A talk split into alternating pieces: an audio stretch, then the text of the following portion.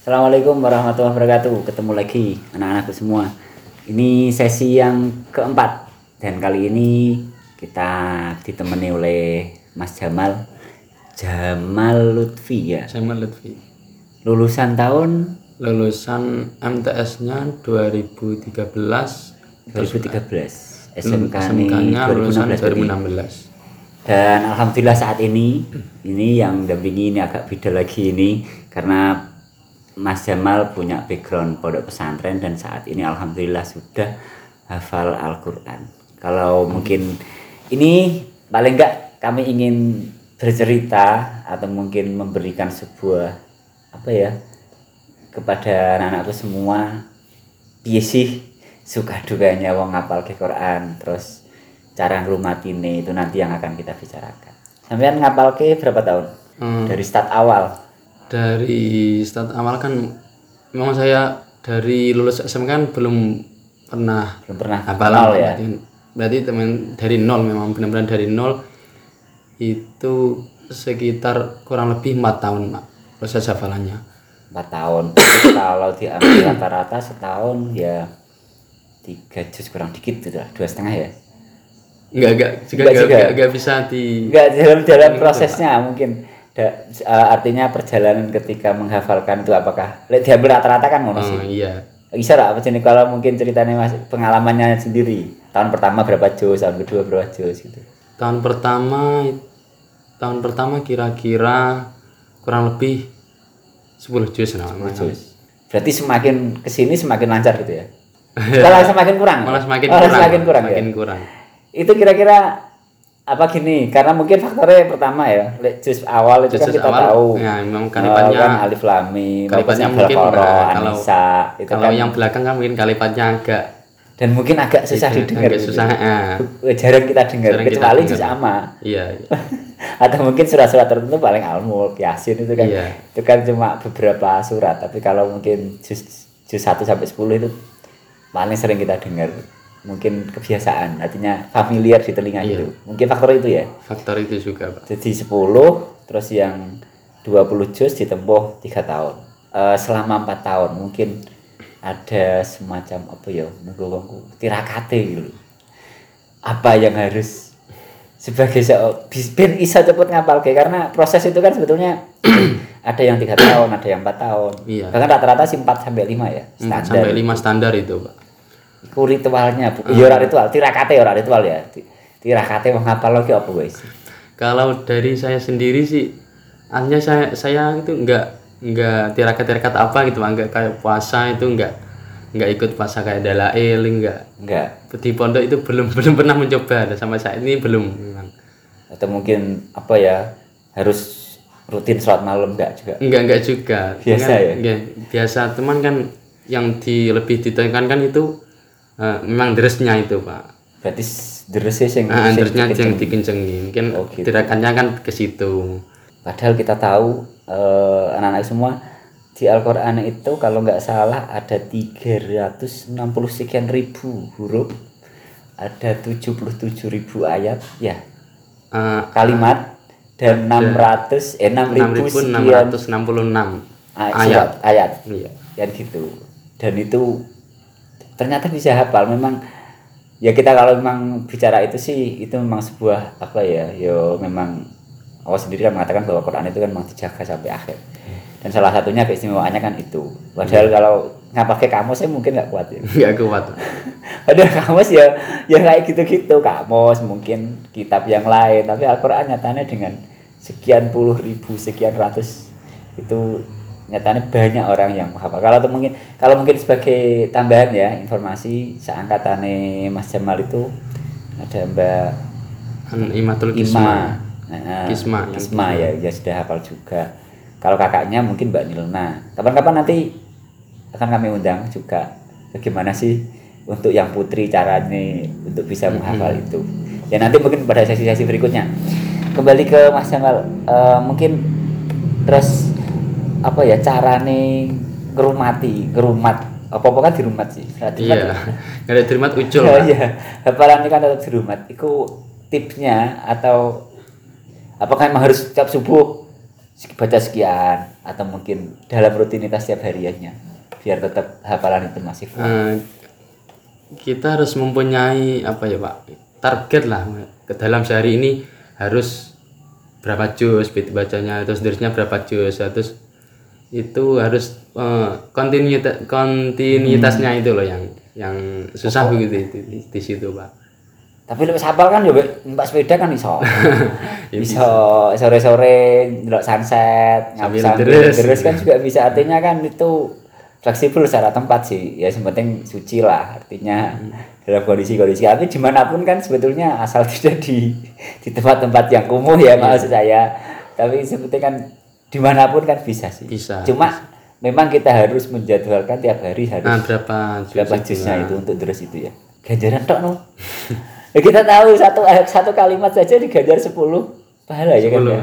Dalam sebuah hadis itu banyak itu. Kalau mungkin nanti ada ada pengen ngerti eh, apa namanya eh, manfaat bukan manfaat ya keutamaan, membaca Keutamaan. Al-Quran itu ada sekian puluhan hadis tentang itu semua. Jadi satu hal yang luar biasa eh, teman kita sebagai inspirasi buat adik-adik semua yang masih belajar di MTS mungkin bisa dimulai dari MTS sebetulnya bisa ya?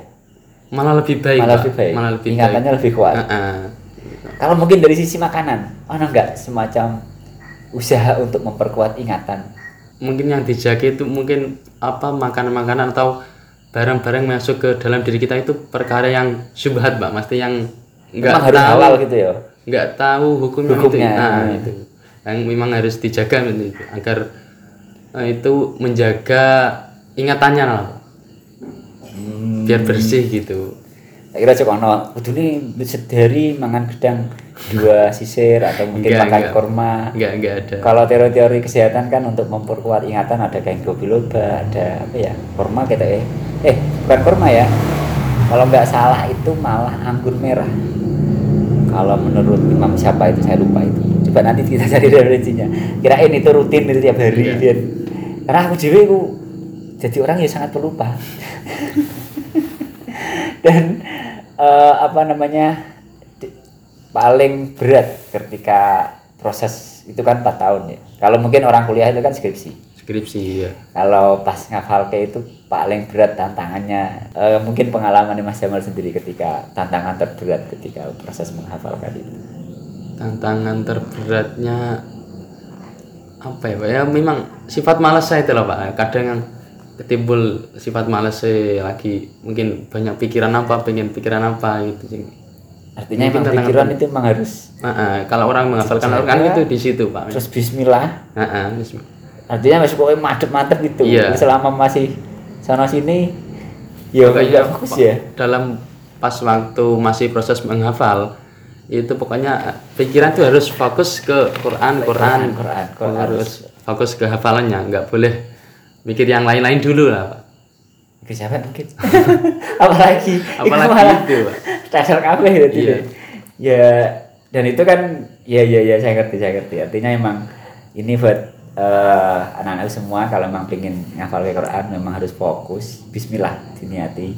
Jangan pernah mikir macam-macam dan kalau memang seusia MTS malah lebih baik. Malah lebih baik. Karena bebannya juga belum. Berat secara perkembangan psikologinya juga belum. Ingatannya juga masih kuat. Masih kuat. Terus perkembangan psikologi ini secara hormonal atau mungkin apa ya perkembangan psikologi lah. Burung mikir sing ora-ora. Mm-mm. gitu. Jadi mungkin lebih cepat dan satu hal buat adik-adik semua anak-anak semua eh satu kelebihan untuk menghafal Al-Quran itu nanti ketika pengen melanjutin kuliah itu punya banyak fasilitas. Beasiswa milih ambil jurusan apa pun insya Allah diterima. Itu kan salah satunya. Dan Mas Jamal sendiri sekarang rencana mau kuliah juga ya? Rencananya mau kuliah tapi Kuliah. mungkin mungkin entah tahun depan ya atau tahun depan nggak apa-apa tapi kan masih ada tetap ada bayangan Ada, dan ada. paling nggak kan sudah punya modal itu. Iya. Tinggal dan itu sebagai sekali lagi Quran dan hadis adalah pegangan kita. Paling ora landasannya wis kuat tinggal pengembangannya kan gitu. Iya. dan ini mungkin bisa ditiru oleh anak-anakku semua saat ini. Terutama apalagi saat ini musim pandemi ya musim belajar di rumah daripada cuma main game. Kan yo untung artinya anak kesempatan banyak untuk bisa menghafalkan mandiri di rumah ya tidak mandiri sih artinya tetap bisa berguru Iya, dengan harus harus dengan digurukan. guru-guru lokal, Mm-mm. guru-guru nak musola, nak masjid, rutin satu hari mungkin satu lembar itu kan yo sebagai modal nanti Iya. target lulus aliyah bisa enam tahun nggak apa-apa kan ya enam tahun terus nanti ketika pengen kuliah tinggal jalan kan gitu kan lebih enak mumpung sekolah saat ini agak longgar secara kalau memang tugas sih berat sebetulnya artinya anak-anak malah mengeluh terutama di tugas-tugas saat sekolah daring. Hmm. tapi kalau dari sisi waktu kan luas bebas.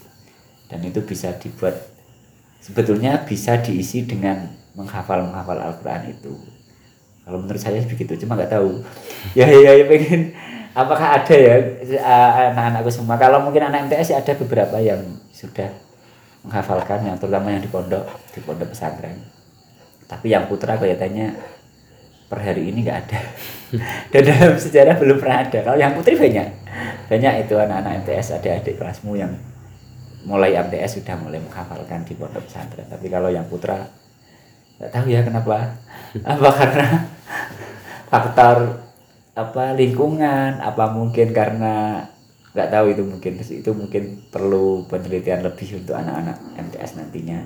Dan sekali lagi kami dari apa namanya bapak ibu guru juga merasa bangga. Paling nggak ada alumni yang me- mendedikasikan dirinya untuk belajar Al-Quran. Ada pengembangan niat untuk mendalami tafsirnya? Saya pengerti siapa Gus Baha Pak Kures Tetap ada, Pak. Tapi kan mungkin untuk untuk saat ini belum Mungkin pokoknya- belum. pokoknya penting apal dulu gitu ya Ah. itu kan sebetulnya tinggal karena ilmu Al-Quran yang yang mengiringi itu kan banyak bisa dari tafsirnya bisa Iya. dari bahasa Arabnya bisa dari otomatis kan tinggal menunjang pokoknya modaliku bisa semuanya kan gitu kan saya selogikanya kan gitu karena itu sumber dari semua sumber sebetulnya tinggal bagaimana kita pengembangannya terus eh, ketika mondok Mas Jamal juga belajar tentang apa namanya kiroah. Kita kan tahu kiroah itu kan ada berapa ya? Ada tujuh ya bacaan? Ada kalau sebenarnya malah ada 20, Pak. 20 malah. 20 dan itu diajarkan dan itu diajar. Tapi di pondok kalau di pondok saya itu adanya setorannya itu yang kiro asam ah berarti tujuh. Tujuh. Dan enggak apakah penghafal Al-Quran harus hafal itu Apa enggak, tidak? enggak. enggak harus mas. Sebagai uh, tambahan aja nah, ya. itu biar sebagai tambahan. biar ketika ada orang baca kayak gini itu kan nggak disalahkan. Enggak disalahkan gitu. Karena emang itu rawinya jelas kan gitu. Rawi itu sejarah bacaannya nah aku semua kalau pengen ngerti. Jadi bacaan Al-Quran itu yang paling terkenal ada tujuh kira asap ah. Nah, yang paling terkenal yang ada paling tujuh. yang paling apa ya ya, yang paling di eh, sebagai panutan. Jadi banyak bacaan-bacaan yang orang itu baca gini tapi mungkin menurut imam yang lain baca gini itu ada. Dan itu memang benar semua. Ya paling enggak memang eh, mempelajari Al-Quran menghafalkan terutama itu memang ya tajwid ya harus Tajwid wajib. wajib. Terus apa namanya yang lain pen- penunjang yang lain. Kan nggak harus hafal alfiah kan nggak toh? Enggak enggak, nggak. harus sepenting tajwidnya kunci utama tajwid. Tajwid. terus menjaga makanan. Menjaga makanan yang terus niat yang niat kuat. itu lah yang paling yang niat. penting berarti pertama balik berarti ya. Coba. Yang paling niat dulu. Urutannya niat dulu. Yang penting Bismillah niat. Fokus. Yo diniati batang tahun nyinauni Al-Quran. Itu yang pertama. Ya. Anak-anakku semua kalau pengen belajar Al-Quran atau menghafalkan. Yang kedua ilmu tajwid harus ngerti. Terus yang ketiga makanannya harus dijaga. Makanannya harus- terus yang lain tambahannya kalau ada? Yang lain mungkin mungkin tingkah laku atau uh, kalau akhlak kalau itu kan memang otomatis ya kan otomatis kan Iya. Artinya memang kita muru kalau bahasa bahasa nih muruah ya. Muru'ah, iya, Pak. kehormatan diri. Ya itu memang semua orang sih sebetulnya. Ya cuma memang bebannya lebih berat. Nah, ah, Orang dong. karena mempunyai Heeh. Nek bahasanya mau coba kuwi Quran pelakuan gitu. iya Masa Quran pelaku apa dolanan ring peceret kan yo. Iya. Kan dia saru toh. saru. Tapi otomatis memang orang itu sebetulnya gampang kok kalau kita pengen menjadi kalau kita mau menjadi orang yang yang punya nilai positif, ya tempatkan diri kita di tempat yang positif. ya contohnya itu kan sudah melekat. Tapi kalau kita menempatkan diri pada posisi yang yang ngambang yo tingkah laku kita juga ngambang. Kalau kita pingin yang uraan ya nanti otomatis semuanya yo. Karena itu memang mengikuti. Iya ya saya ibarat air air air putih ini kalau ditaruh di apa namanya eh, botol plastik ya nggak ada nggak ya ngono iku, tapi ketika nanti dia menempatkan diri pada botol air mineral ya juga otomatis lagi. ya beda lagi kan gitu. Maka eh, menempatkan diri itu sangat penting untuk adik-adik semua anak-anakku semua. Eh, artinya memang orang itu memang apa ya ya, berusaha ketika kita menempatkan diri pada posisi tertentu tanggung jawab. Itu kan otomatis melekat. Tanggung jawab jaga image jaim mungkin bahasa orang itu memang harus harus melekat.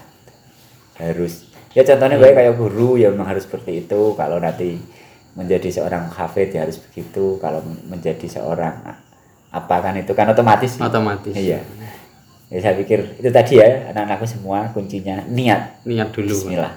Dan menurut pengalaman Mas Jamal sendiri anak MTS malah lebih baik lebih dini untuk menghafal Al-Quran hasilnya akan lebih baik gitu. Eh, kalau mungkin ke depan pengen kuliah ambil jurusan? Punya gambaran? pengennya ambil jurusan tarbiyah lah kayaknya. Tapi ya ya nggak apa-apa sih artinya sebaik-baiknya orang itu kan orang yang menghafalkan apa mengajarkan Al-Quran walau satu kalimat eh hadisnya gimana? Sebaik-baiknya orang itu orang yang mau mengajarkan Al-Qur'an. Al-Quran walau nggak ada Al-Quran tak ya? Nggak, nggak ada tambahannya ya. Setelah aku alinan lah pokoknya hadis-hadis itu ya ngerti lah dikit-dikit tapi eh, ya semoga nanti apa namanya harapan itu tahun depan eh, Mas Jamal bisa melanjutkan lagi dan masih muda saya pikir tren sekarang itu sudah untuk usia cowok atau pria sekarang. Nah, tren sekarang ya generasi X genera- kalau sekarang generasi X ya bukan generasi milenial kan ya generasi X Gen X. Itu memang biasanya untuk usia nikah lebih ke sana. Artinya memang karir terus keilmuan itu memang harus ditata dan Di- iya. kayak diasah dan dicari kan itu oke demikian eh, anak-anak semua. Ini semoga dapat mengisi eh, memberikan sebuah inspirasi buat kalian semua ya terutama di saat pandemi. Ini adalah momen yang pas untuk memperdalami ilmu Al-Quran. Ya paling enggak kalian isilah hari-hari kalian di rumah. Tidak hanya sekedar main gadget, main game, main sosmed. Tapi kalau memang diniati belajar Al-Quran sambil menghafalkan tentunya dengan guru ngaji ya itu syarat utama mas ya. Iya, ya bisa harus. kan guru ngaji di masjid di musola kita kan banyak. Dan itu semua gratis. Guru ngaji di kampung itu kan gratis semua Mas. enaknya enak enak kampung itu gitu. Dan kalian mas, eh, bisa memiliki bekal untuk nantinya bisa melanjutkan atau bisa menuntaskan hafalan Al-Quran ketika nanti sudah ke jenjang berikutnya atau dilanjut. Tetap ya kalau menurut Mas Jamal harus harus apa harus ada guru pembimbing. Wajib Harus ya? wajib. dalam proses penghafal Al-Quran itu. Nggak bisa dihafal sendiri ya. Karena itu memang harus ada orang yang mentaskeh masalah bacaan dan ilmu-ilmu yang melekat di dalam Al-Quran itu sendiri. Demikian untuk podcast kali ini dan sampai ketemu pada sesi berikutnya. Assalamualaikum warahmatullahi wabarakatuh